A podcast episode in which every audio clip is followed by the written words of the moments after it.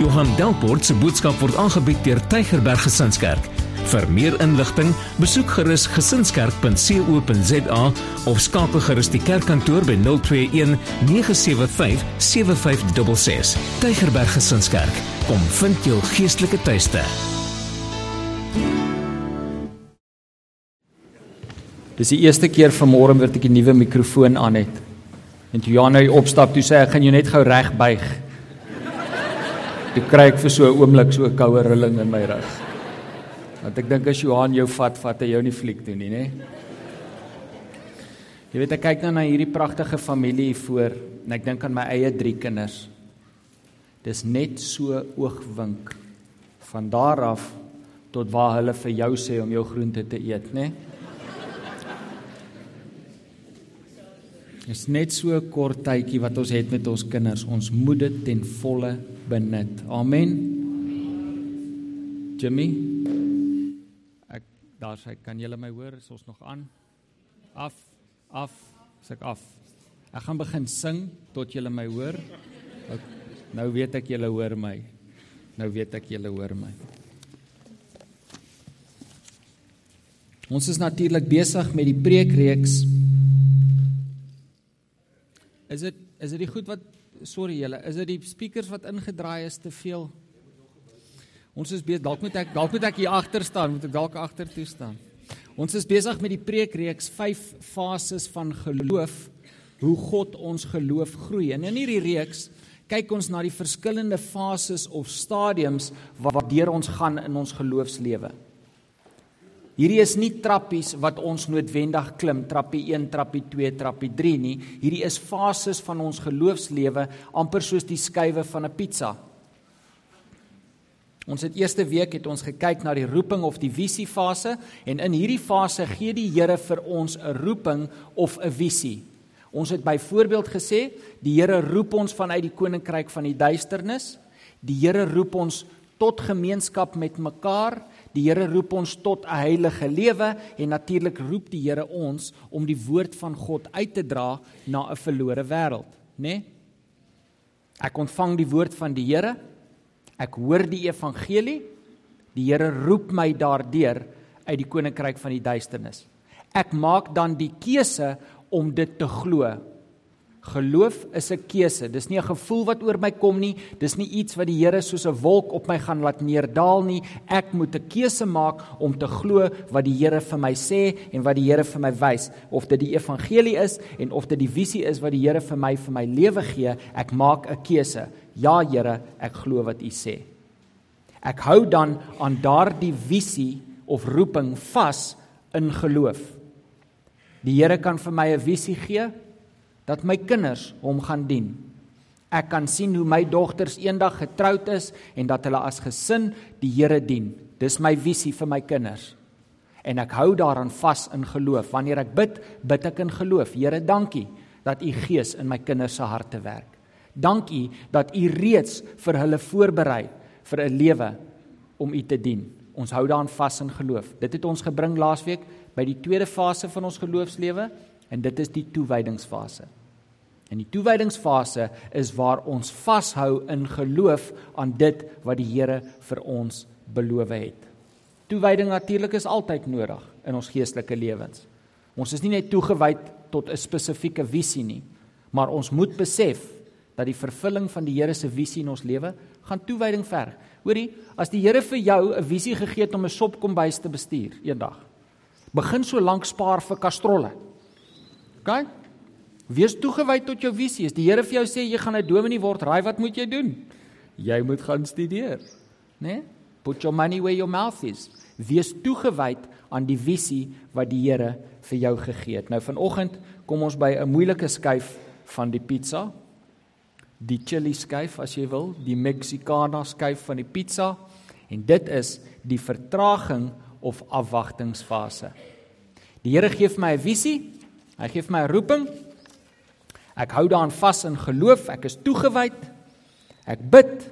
Ek vra die Here vir uitkoms en daar gebeur niks.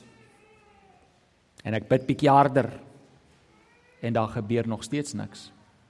Miskien is ek 'n krisis wat ek in my lewe beleef en ek vra die Here vir redding. Here, help my uit hierdie ding. En daar gebeur niks. Wat nou? Hierdie is die vertragingsfase. Ons gaan vanoggend daarna kyk. Kom ons sluit die oë. Here Jesus, ons dankie vir u liefde en u genade. Ons dankie Here vir geloof wat u vir ons gee. Ons dankie dat u Heilige Gees in ons harte werk om ons toegewy te help bly aan die woord wat u tot ons spreek.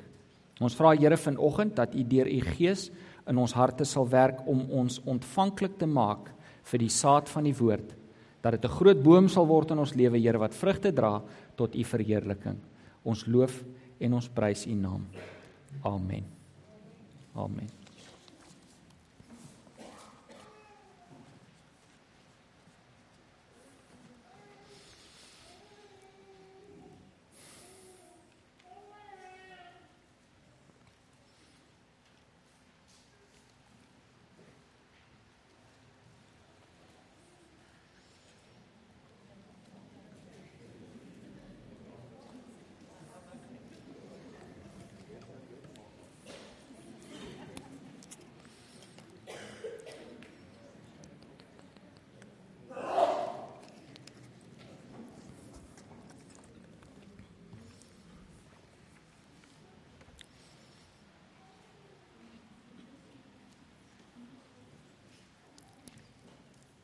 Dit was 60 sekondes. Net 60 sekondes. 1 minuut wat ons moes wag en nie geweet het wat aangaan nie. En ons het klaar begin kriewelrig en ongemaklik raak. Né? Nee? Ek het gesien Janine wou dak hier onder die deur. Sy weet nie weet of sy onder die tafel moet inkruip of wat sy moet doen nie nê? Nee, net 1 minuut wat ons moes wag en ons het reeds begin ongemaklik raak. En weet julle hoekom? Want ons as mense hou nie van wag nie. Ons hou nie van wag nie en ons hou nie van stilte nie, veral as ons nie weet wat aangaan nie. Né? Nee? Ek het gesien dis 'n paar ouens wat my so half snaaks gekyk het.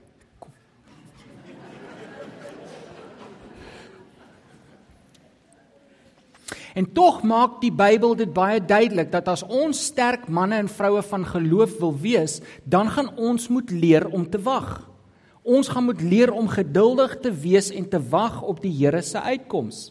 Blaai asseblief saam met my na Jakobus hoofstuk 1. Jakobus een van die laaste boeke in die Nuwe Testament. Jakobus skryf 'n brief aan Joodse Christene wat uit Jerusalem gevlug het as gevolg van verdrukking. Na Stefanus se marteldood het die Joodse Christene gevlug uit die stad uit, 'n klomp van hulle, en Jakobus skryf 'n brief aan hierdie Christene wat moeilike tye beleef.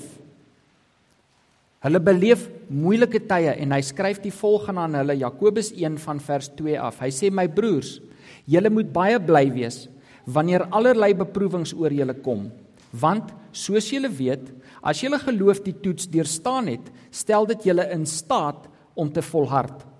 En die volharding moet end uit volgehou word sodat julle tot volle geestelike rypheid kan kom sonder enige tekortkoming.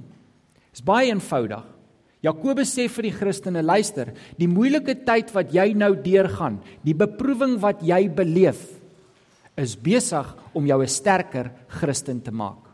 Dis wat hy hier sê. Die volharding moet end uit volgehou word. Hoekom? Sodat jy tot volle geestelike rypheid kan kom. Die Engels is onder ons wat King James Bybels het, hy sal die woord perfect gebruik en dit beteken volmaak sonder gebrek. Wie wil 'n sonder gebrek volwasse Christen wees? Almal van ons, né? Nee? En Jakobus skryf aan die Christen en hy sê luister, hoe ons dit gaan doen, hoe dit met ons gaan gebeur, is wanneer ons hierdie beproewing deurmaak in geloof vashou aan die Here. As ek dit sien op die bladsy, dan lyk dit vir my reg. As ek dit hoor in 'n boodskap, dan klink dit vir my reg. En tog is dit seker een van die moeilikste dinge vir my om te doen is om vas te hou in geloof en te vertrou dat die Here weet wat aangaan en die Here weet beter wanneer ek nie weet wat aangaan nie. Ek het dan nou die visie, ek het gebid, ek het gevra en hier gebeur net mooi niks. En dit begin vir my voel hoe langer ek vashou en hoe meer toegewydheid is, hoe minder gebeur daar iets. En in hierdie verwarring groei daar onsekerheid in my hart. En ek begin by myself wonder. Is hierdie die keer wat die Here nie vir my gaan deurkom nie? Jy weet dalk het ek verkeerd gehoor. Dalk het ek nie die Here gehoor nie. Dalk het my sonde nou soveel geword dat die Here breekpunt met my bereik het en die Here het my nou verwerp. Ek is nou dalk aan myself oorgelaat. Dis wat ons begin dink. Dis hoe die onsekerheid in ons harte groei wanneer ons nie weet wat aangaan nie. En nou in plaas daarvan dat my beproewingstydperk of my afwagtingstydperk lei tot geloofsgroei, lei dit tot geloofsverkrimping. Hoe langer my beproewing aangaan, hoe meer onseker word ek van die uitkoms.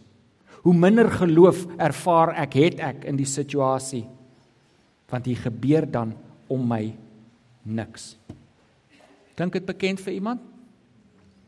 Nou weet julle die grootste rede nê vir die onsekerheid in ons harte in hierdie afwagtingstydperk is nie die gewaggery nie.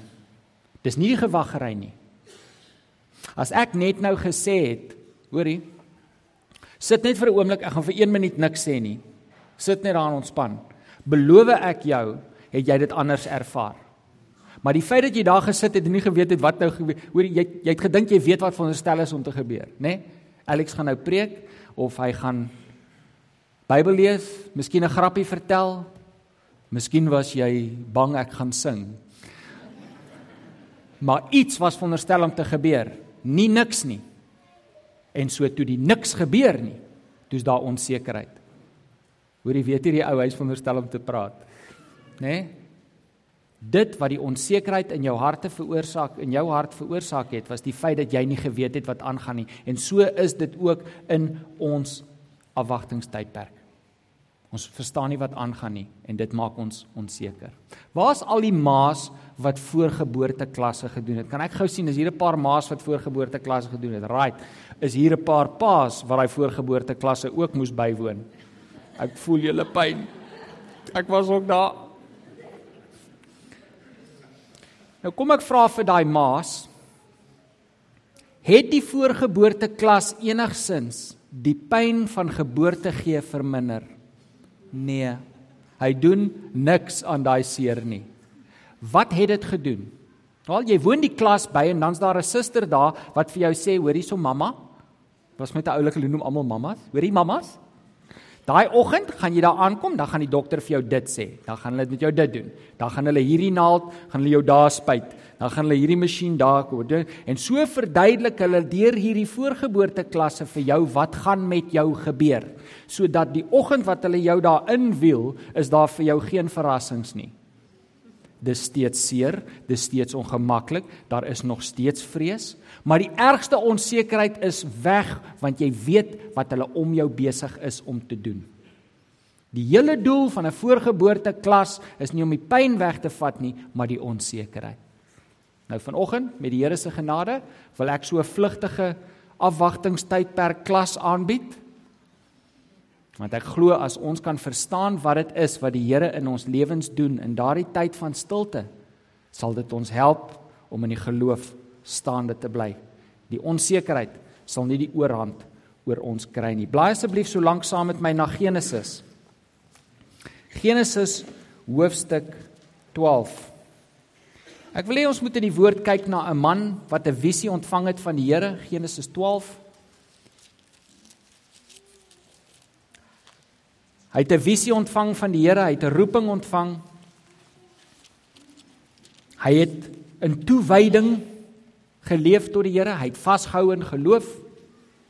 Maar hy het toegelaat dat die onsekerheid die oorhand in sy afwagtingstydperk kry en dit het hom duur te staan kom. Kom ons kyk. Genesis 12 ons lees van vers 1 af. Die Here het vir Abraham gesê: Trek uit jou land uit, weg van jou mense en jou familie af na die land toe wat ek vir jou sal aanwys. Ek sal jou 'n groot nasie maak. Ek sal jou seën en jou 'n man van groot betekenis maak. En jy moet tot 'n seën wees. Ek sal seën wie jou seën en hom vervloek wat jou vervloek. En jou sal al die volke van die aarde geseën wees. Hier's die roepingsfase. Die Here roep vir Abraham: "Abraham, kom. Ek het 'n doel met jou lewe." Die Bybel sê Abraham het toe weggetrek gehoorsaam aan die woord van die Here. Daar's die toewydingsfase. Jou toewyding aan die Here kan gemeet word aan jou gehoorsaamheid tot sy woord. Ek sê dit weer. Jou toewyding aan die Here, jou liefde vir die Here kan gemeet word aan jou gehoorsaamheid aan sy woord. Jy kan nie vir my sê jy's lief vir die Here en jy's toegewyd, maar jy het nie tyd vir die woord van die Here nie. Abraham was gehoorsaam aan die woord van God. Daar's toewyding. So hy was toegewyd. Hy het gedoen wat die Here gesê het. Ons lees verder, Lot het saam met hom getrek. Abraham was 75 toe hy uit Haran weggetrek het. Op 75 jarige ouderdom kom die Here na Abraham toe en hy sê Abraham, ek het 'n plan met jou. Ek gaan van jou 'n groot nasie maak. Ek gaan vir jou 'n nageslag gee. Ek gaan vir jou 'n nasie gee wat 'n seën gaan wees en die wêreld gaan beïnvloed. Ek wonder hoe opgewonde tannie Sarah was toe sy hoor sy gaan 'n nasie hê. Seker haarself vir 'n paar voorgeboorteklasse ingeboek, nê. Nee. Maar vir 10 jaar, vir 10 jaar hierna hou Abraham vas in geloof aan daardie belofte. Vir 10 jaar. Abraham is toegewyd. Elke Sondag sy in die kerk, elke Woensdag sy by Bybelstudie. 6:00 in die oggend op 'n Sondag kom help hy stoele uitpak. Tannie Sarah is by die koffietafel betrokke. Hulle vertel die mense by die werk van die Here. Hulle is toegewyde Christene, hulle het 'n visie. Hulle gaan 'n slag slaan vir die Here. En elke oggend word Abraham wakker met 'n verwagting in sy hart, want hy's 'n man van geloof, né? Nee? Ek kan Abraham daar sien by die by die ontbyttafel.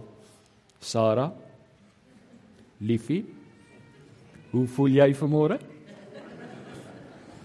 Nie 'n bietjie naar nie, né? Nee? Maar elke oggend voel tannie Sarah great hoor. Daar's nie 'n teken van haar dit nie. Sy voel fantasties.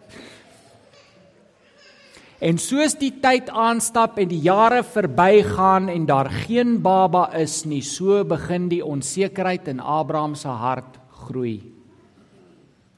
Dalk het ek verkeerd gehoor. En hier sit ek nou in Kanaan. Ek het 'n belofte geglo wat duidelik nie besig is om te gebeur nie ek gaan maar my eie plan moet maak. Bly aan na Genesis 16. Genesis 16. Vers 1. Ek gaan lees Sara nie Sarai nie die Hebreëse uitspraak is my maar baie dieselfde. Sara het nog nie vir haar man Abraham 'n kind in die wêreld gebring gehad nie. Hierdie is 10 jaar later, hoor. Sy het 'n Egiptiese slavin met die naam Hagar gehad. Toe sê Sara vir Abraham: "Die Here het my nou eenmal daarvan weerhou om kinders te kan hê. Gaan slaap by my slavin, miskien bring sy 'n kind in die wêreld wat my eie kan word." En Abraham het saamgestem met sy vrou. En daar begin die probleme. Abraham was al 10 jaar in Kanaan toe Sara, die vrou van Abraham, self vir Hagar, haar Egiptiese slavin, gevat en vir haar man Abraham as vrou gegee het. Hy het by Hagar gaan slaap en sy het swanger geword. Af na vers 10 toe. Verder het die engel engel van die Here vir Hagar gesê, dis nou Hagar, nê, nee, nie Sara nie. Ek sal jou nageslag so baie maak dat hulle te veel sal wees om te tel. En toe sê die engel van die Here ook vir haar, kyk, jy is swanger. Jy sal 'n seun in die wêreld bring, jy moet hom Ismael noem, want die Here het van jou swaar kry gehoor. Jou seun sal 'n man wees, so ontembaar soos 'n wille donkie. Hy sal teen almal wees en almal sal teen hom wees. Hy sal in vyandskap leef met sy bloed verwante. Abraham en Sara raak ongeduld in hulle afwagtingstydperk. Hulle het nou lank genoeg gevat. Uh uh vasgehou, die Here vat te lank. Hulle gaan nou self 'n plan maak om hierdie ding te maak gebeur wat hulle graag wil hê en hulle kry dit reg. Daar is 'n babietjie. Maar hierdie is nie die baba van die belofte nie. Hierdie is nie die baba wat die Here vir hulle wou gehad het nie. Dis hulle eie maak 'n plan baba omdat hulle ongeduldig was. Omdat hulle nie langer wou wag vir die Here se uitkoms nie. Wat sê die engel van die Here vir Hagar? Weet jy wat sy vra? Nou het jy probleme. Jy het nou hierdie ding self georganiseer. En nou het jy moeilikheid. Want hierdie was nie my idee nie. Jy het nou op jouself 'n probleem gebring. Abraham se ongeduld produseer 'n resultaat wat nie net vir homself nie, maar vir generasies daarna moeilikheid sou bring. Kyk wat sê die Here daar. Kan jy dink jy is die ma van daai kind en die Here sê vir jou, hoor hierso, jou kind gaan in onmin leef met almal. Almal gaan teen hom wees. Hy gaan nie 'n man van vrede wees nie, hy gaan 'n man van geweld en moeilikheid wees. Dis 'n vreeslike ding. Hulle eie maak 'n plan wat dit produseer. En Israel het vir jare en jare en jare gesukkel met die Ismaeliete. Né? Nee? Om die waarheid te sê, sukkel ons vandag nog. Het julle geweet dat tot en met 100 jaar terug toe het die westerse wêreld van die moslems gepraat as die Ismaeliete. Gaan vra vir 'n moslem wie's die pa van sy geloof en hy sal vir jou sê Ismael, nie Isak nie. Daar is Arabiese geskiedkundiges wat beweer dat Mohammed wat die moslim geloof begin het 'n direkte afstammeling is van Ismael. Nou ek wil nie vanoggend oor die moslems praat nie. Maar die punt is duidelik. Die ongeduld van Abraham en Sara om te wag op die Here se uitkoms het resultate produseer wat vandag nog duisende jare later probleme veroorsaak. Abraham se ongeduld is die rede dat ek en jy met 'n plastiekmes en vurk op 'n vliegtyg moet eet.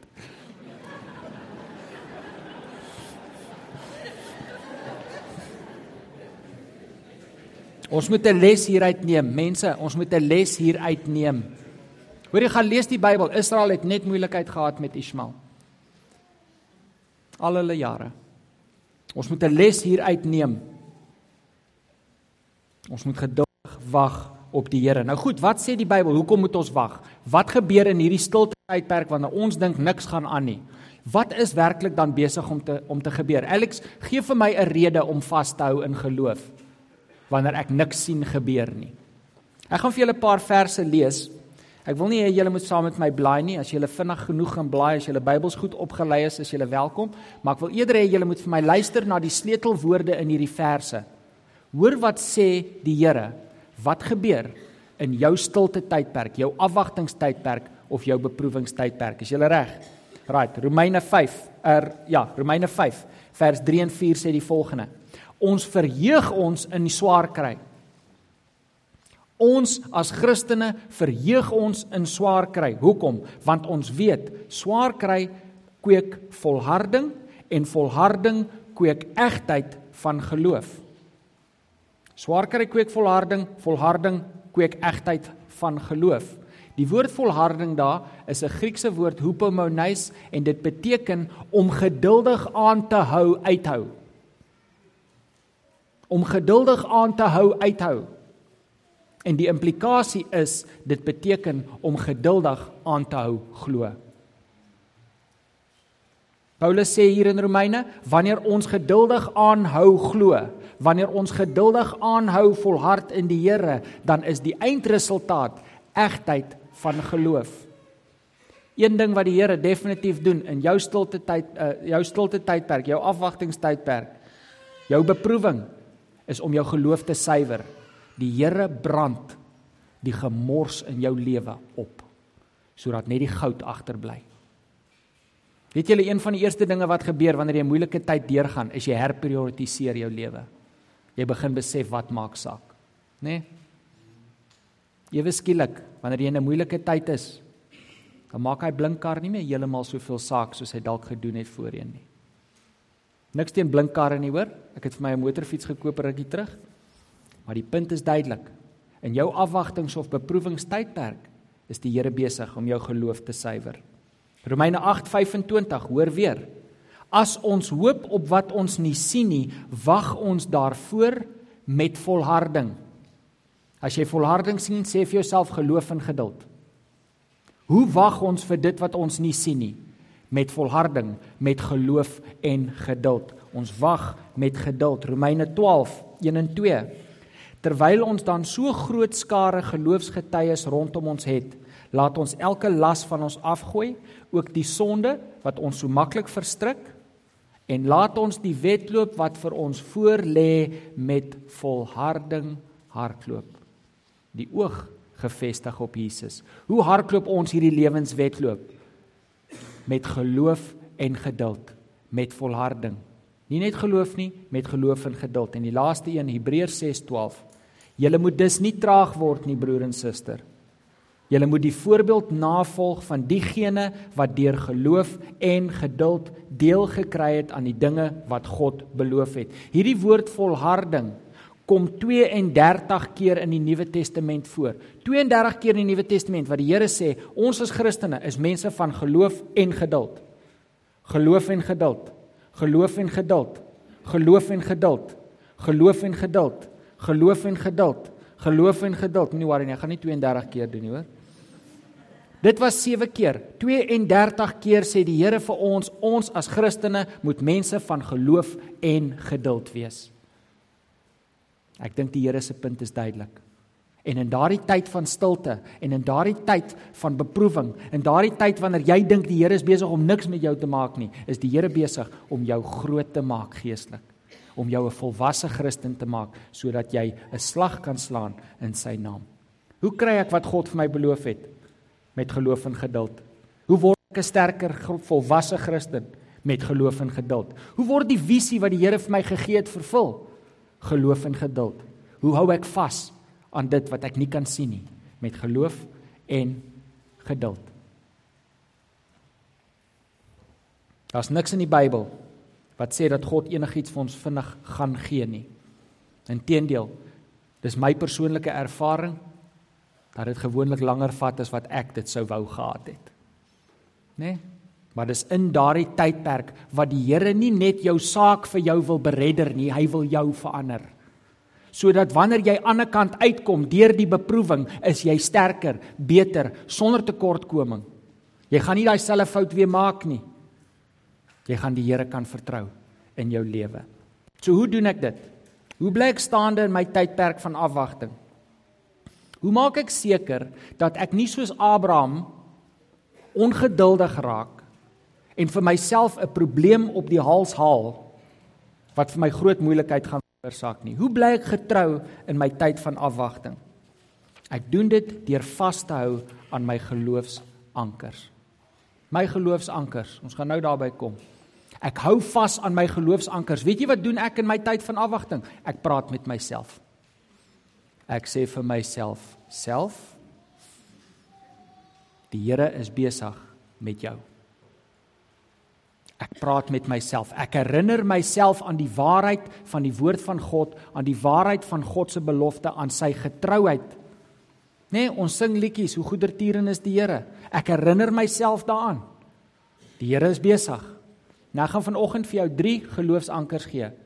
Hierdie is 'n 3 hierdie is 3 wat is 'n goeie plek om te begin. Jy met jou eie geloofsankers op jou knieë in jou stilte tyd met jou Bybel voor die Here, moet jy jou geloofsankers gaan afbid. Here, gee vir my die waarhede om aan vas te hou in hierdie moeilike tyd. Mag gaan vir jou 3 gee wat ek dink 'n goeie begin is. Op die raamwerke. My geloofsankers. Nommer 1. Afwagting maak my sterker. As jy nie nou 'n afwagtingsfase deurgaan nie, maar 'n beproewingsfase, dan kan jy daarso skryf beproewing maak my sterker. Jakobus, ons het dit gelees, my broers, julle moet baie bly wees wanneer allerlei beproewings oor julle kom, want soos julle weet, as julle geloof die toets deurstaan het, daar sien ons tyd is betrokke, geduld die toets deurstaan het, stel dit julle in staat om te volhard. Daar's daardie woord weer. En die volharding moet end uit volgehou word sodat jy tot volle geestelike rypheid kan kom. Die Here maak my sterker, dis eenvoudig. Die Here vat jou van 'n baba Christen tot 'n volwasse Christen en hy doen dit in jou beproewingstyd en in jou afwagtingstyd. Ons wil volwasse Christene wees. Ons wil sterk Christene wees. Die Here doen dit deur ons te maak wag. Die Here doen dit om vir ons te maak wag vir uitkoms. Weet julle? Ek moes op 'n kol in my lewe moes ek 'n besluit maak. Ek moes kom voor die Here en sê Here, ek wil 'n Christen wees wat sterk is. Ek wil 'n Christen wees wat staande bly teen die aanslag aanslag van die duiwel. Ek wil 'n Christen wees wat 'n verskil maak in die wêreld om my en in mense se lewens wat ek raakloop. Ek wil effektief wees vir die koninkryk. En ek het besef ek kan of 'n toegewyde Christen wees en daardie verskil maak of ek kan 'n gemaklike Christen wees wat flout en niks vir enigiemand beteken nie want ek bly 'n babatjie. En ek het die keuse gemaak om vas te hou in geloof deur die moeilikste tye van my lewe. En die van julle wat weet waarvan ek praat, as jy terugkyk na jy deur daardie beproewing is saam met die Here en jy kyk terug, dan groei jou geloof. Jy kan sien hoe die Here besig was in jou lewe toe jy gedink het niks gaan aan nie. Die Here maak jou sterker Christen in jou afwagtingstydperk. Nommer 2. Tweede waarheid waaraan ek vashou in my stilte. Die Here werk waar ek nie kan sien nie. Die Here werk waar ek nie kan sien nie. In Joshua 3 en die wat met die oujaarsaand boodskap hier was, sal onthou ek het vlugtig hieroor gesels. In Joshua 3 sien ons waar Joshua en die Israeliete op die oewer kom van die Jordaanrivier. Hulle moet nou hier deur uit die woestyn uit as jy wil uit die wildernis uit in die beloofde land in. Hulle gaan nou vir die eerste keer die beloofde land in. En in Joshua 3:5 lees ons Joshua het vir die volk gesê: "Reinig julle want môre gaan die Here wonders doen tussen julle." Right, hier's die roeping. Guys, hier kom iets spesiaal. Die Here gaan môre iets spesiaal doen. Vers 13 Wanneer die voetsole van die priesters aan die Jordaanse water raak, die priesters wat die ark van die Here dra, die Here van die hele aarde, sal die water van die Jordaan wat afkom, afgesny word en op een hoop gaan staan. Die volk het toe van hulle tente af vertrek om deur die Jordaan te trek. Die priesters wat die verbondsark gedra het, was voor hulle. Die draers van die ark het by die Jordaan aangekom. Gedurende die hele oestyd is die Jordaan gewoonlik vol oor al sy oewers. Toe die voete van die priesters wat die ark dra in die vlakwater kom, het die water wat afkom gaan staan. Dit het op een hoop gaan staan ver boontoe by Adam die stad langs Saretan. Die water wat afloop na die see in die Jordaanvallei was heeltemal afgesny en die volk het reg oor Jerigo deurgetrek. OK? Dis 'n wonderwerk baie soortgelyk aan toe Moses met die volk deur die Rietsee getrek het. En Joshua sê vir die volk, luister, hier's wat gaan gebeur. Die priesters, wanneer hulle voorloop met die ark, hulle voete gaan aan die water raak en dan gaan ons op droë grond kan deurloop. En so het dit gebeur. Maar die Bybel sê iets interessant daar in vers 16. Hy sê die water het op een hoop gaan staan ver boontoe by Adam, die stad langs Saretan. Adam is 35 km ver van waar hulle deur die rivier gestap het wat beteken hulle die wonderwerk nie gesien nie.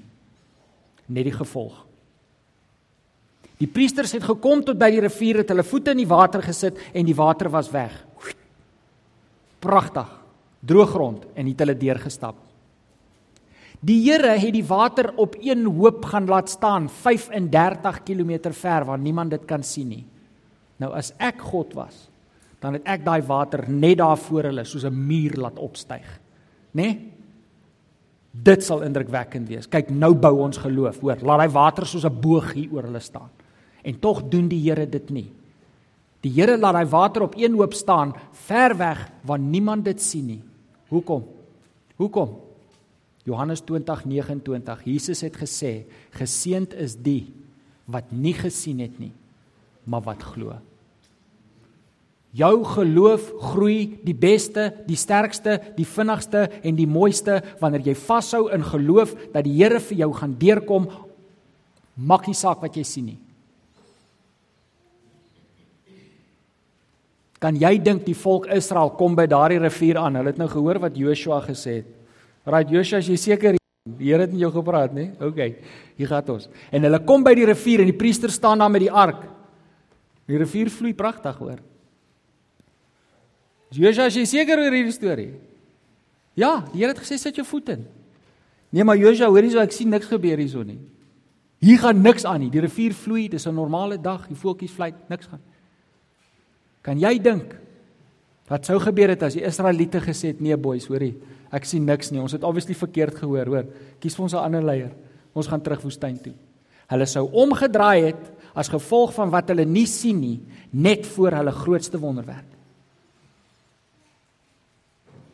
Broer en suster, moenie opgee nie.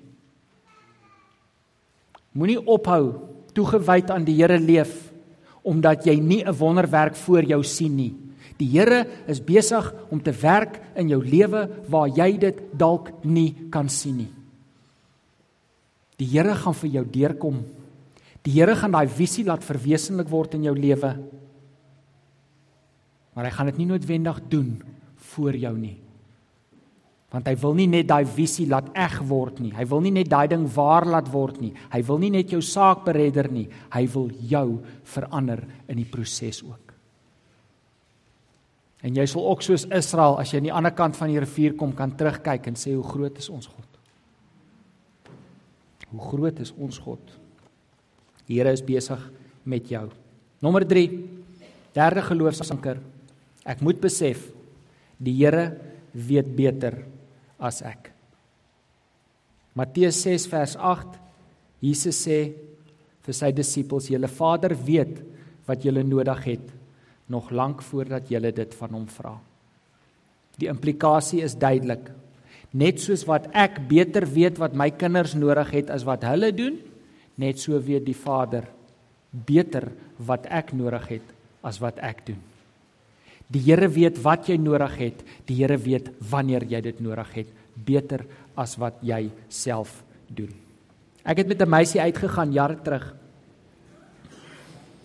Ek het met 'n meisie uitgegaan. Ek was verloof aan haar gewees op 'n kol en ek wou baie graag met haar trou. Sy was 'n Christen. Maar weet julle, ons het so beklei. Daar was so 'n magstryd tussen ons gewees, nee, hierdie ding wou net nie regkom nie. En ek wou haar so graag as vrou gehad het. Dan bid ek en sê ek: "Ag Here, asseblief, laat hierdie ding tussen my en haar regkom. Here, gee haar vir my as 'n vrou." En dan gebeur daar niks. Inteendeel, dit het vir my gevoel dit raak al hoe erger hoe harder ek bid. Hoe meer ek probeer het om hierdie verhouding te maak werk, hoe minder wou hy werk. En ek het aanhou bid en aanhou vra en aanhou bid en aanhou vra. En 4 en 'n half jaar later moes ek sit, ek moes my oë oopmaak, ek moes eerlik wees met die Here en besef hierdie is nie die belofte vrou vir my nie. Ek het 'n vrou nodig wat vrede in my lewe bewerkstellig. Ek het 'n vrou nodig wat my ondersteun. Ek het gebid daai tyd, Here, ek wil 'n dominee word. Ek het 'n mevrou dominee nodig. Nie iemand wat my die heeltyd uitdaag en bevraagteken en Here, ek het ondersteuning nodig. En dit het my 4 en 'n half jaar van bid en smeek en soebat geneem om tot die punt toe te kom waar ek besef hierdie is nie die meisie wat die Here vir my wil hê nie. Hierdie is nie die meisie van die belofte nie en ek moes vertrou dat die Here haar sal stuur. En nou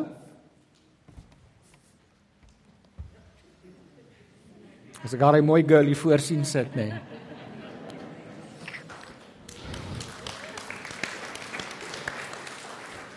As ek nou daardie mooi meisie van die belofte hier voor sien sit en ek sien hoe sy saam met my die Here dien, En ek sien hoe sy werk in die gemeente.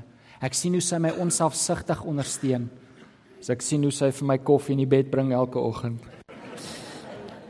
Dan sê ek vir die Here dankie. Dat hy nie gedoen het wat ek hom voorgevra het nie. Dan sê ek vir die Here dankie vir ongeantwoorde gebede, want as ek nou terugkyk, dan kan ek my hande in die lug hou en sê hoe goed is ons God. Weet julle die Bybel sê in Jesaja 40 die Here se insig is ondeurgrondelik. Ons kan nie verstaan wat die Here kyk nie. Ons kan nie verstaan wat die Here sien nie.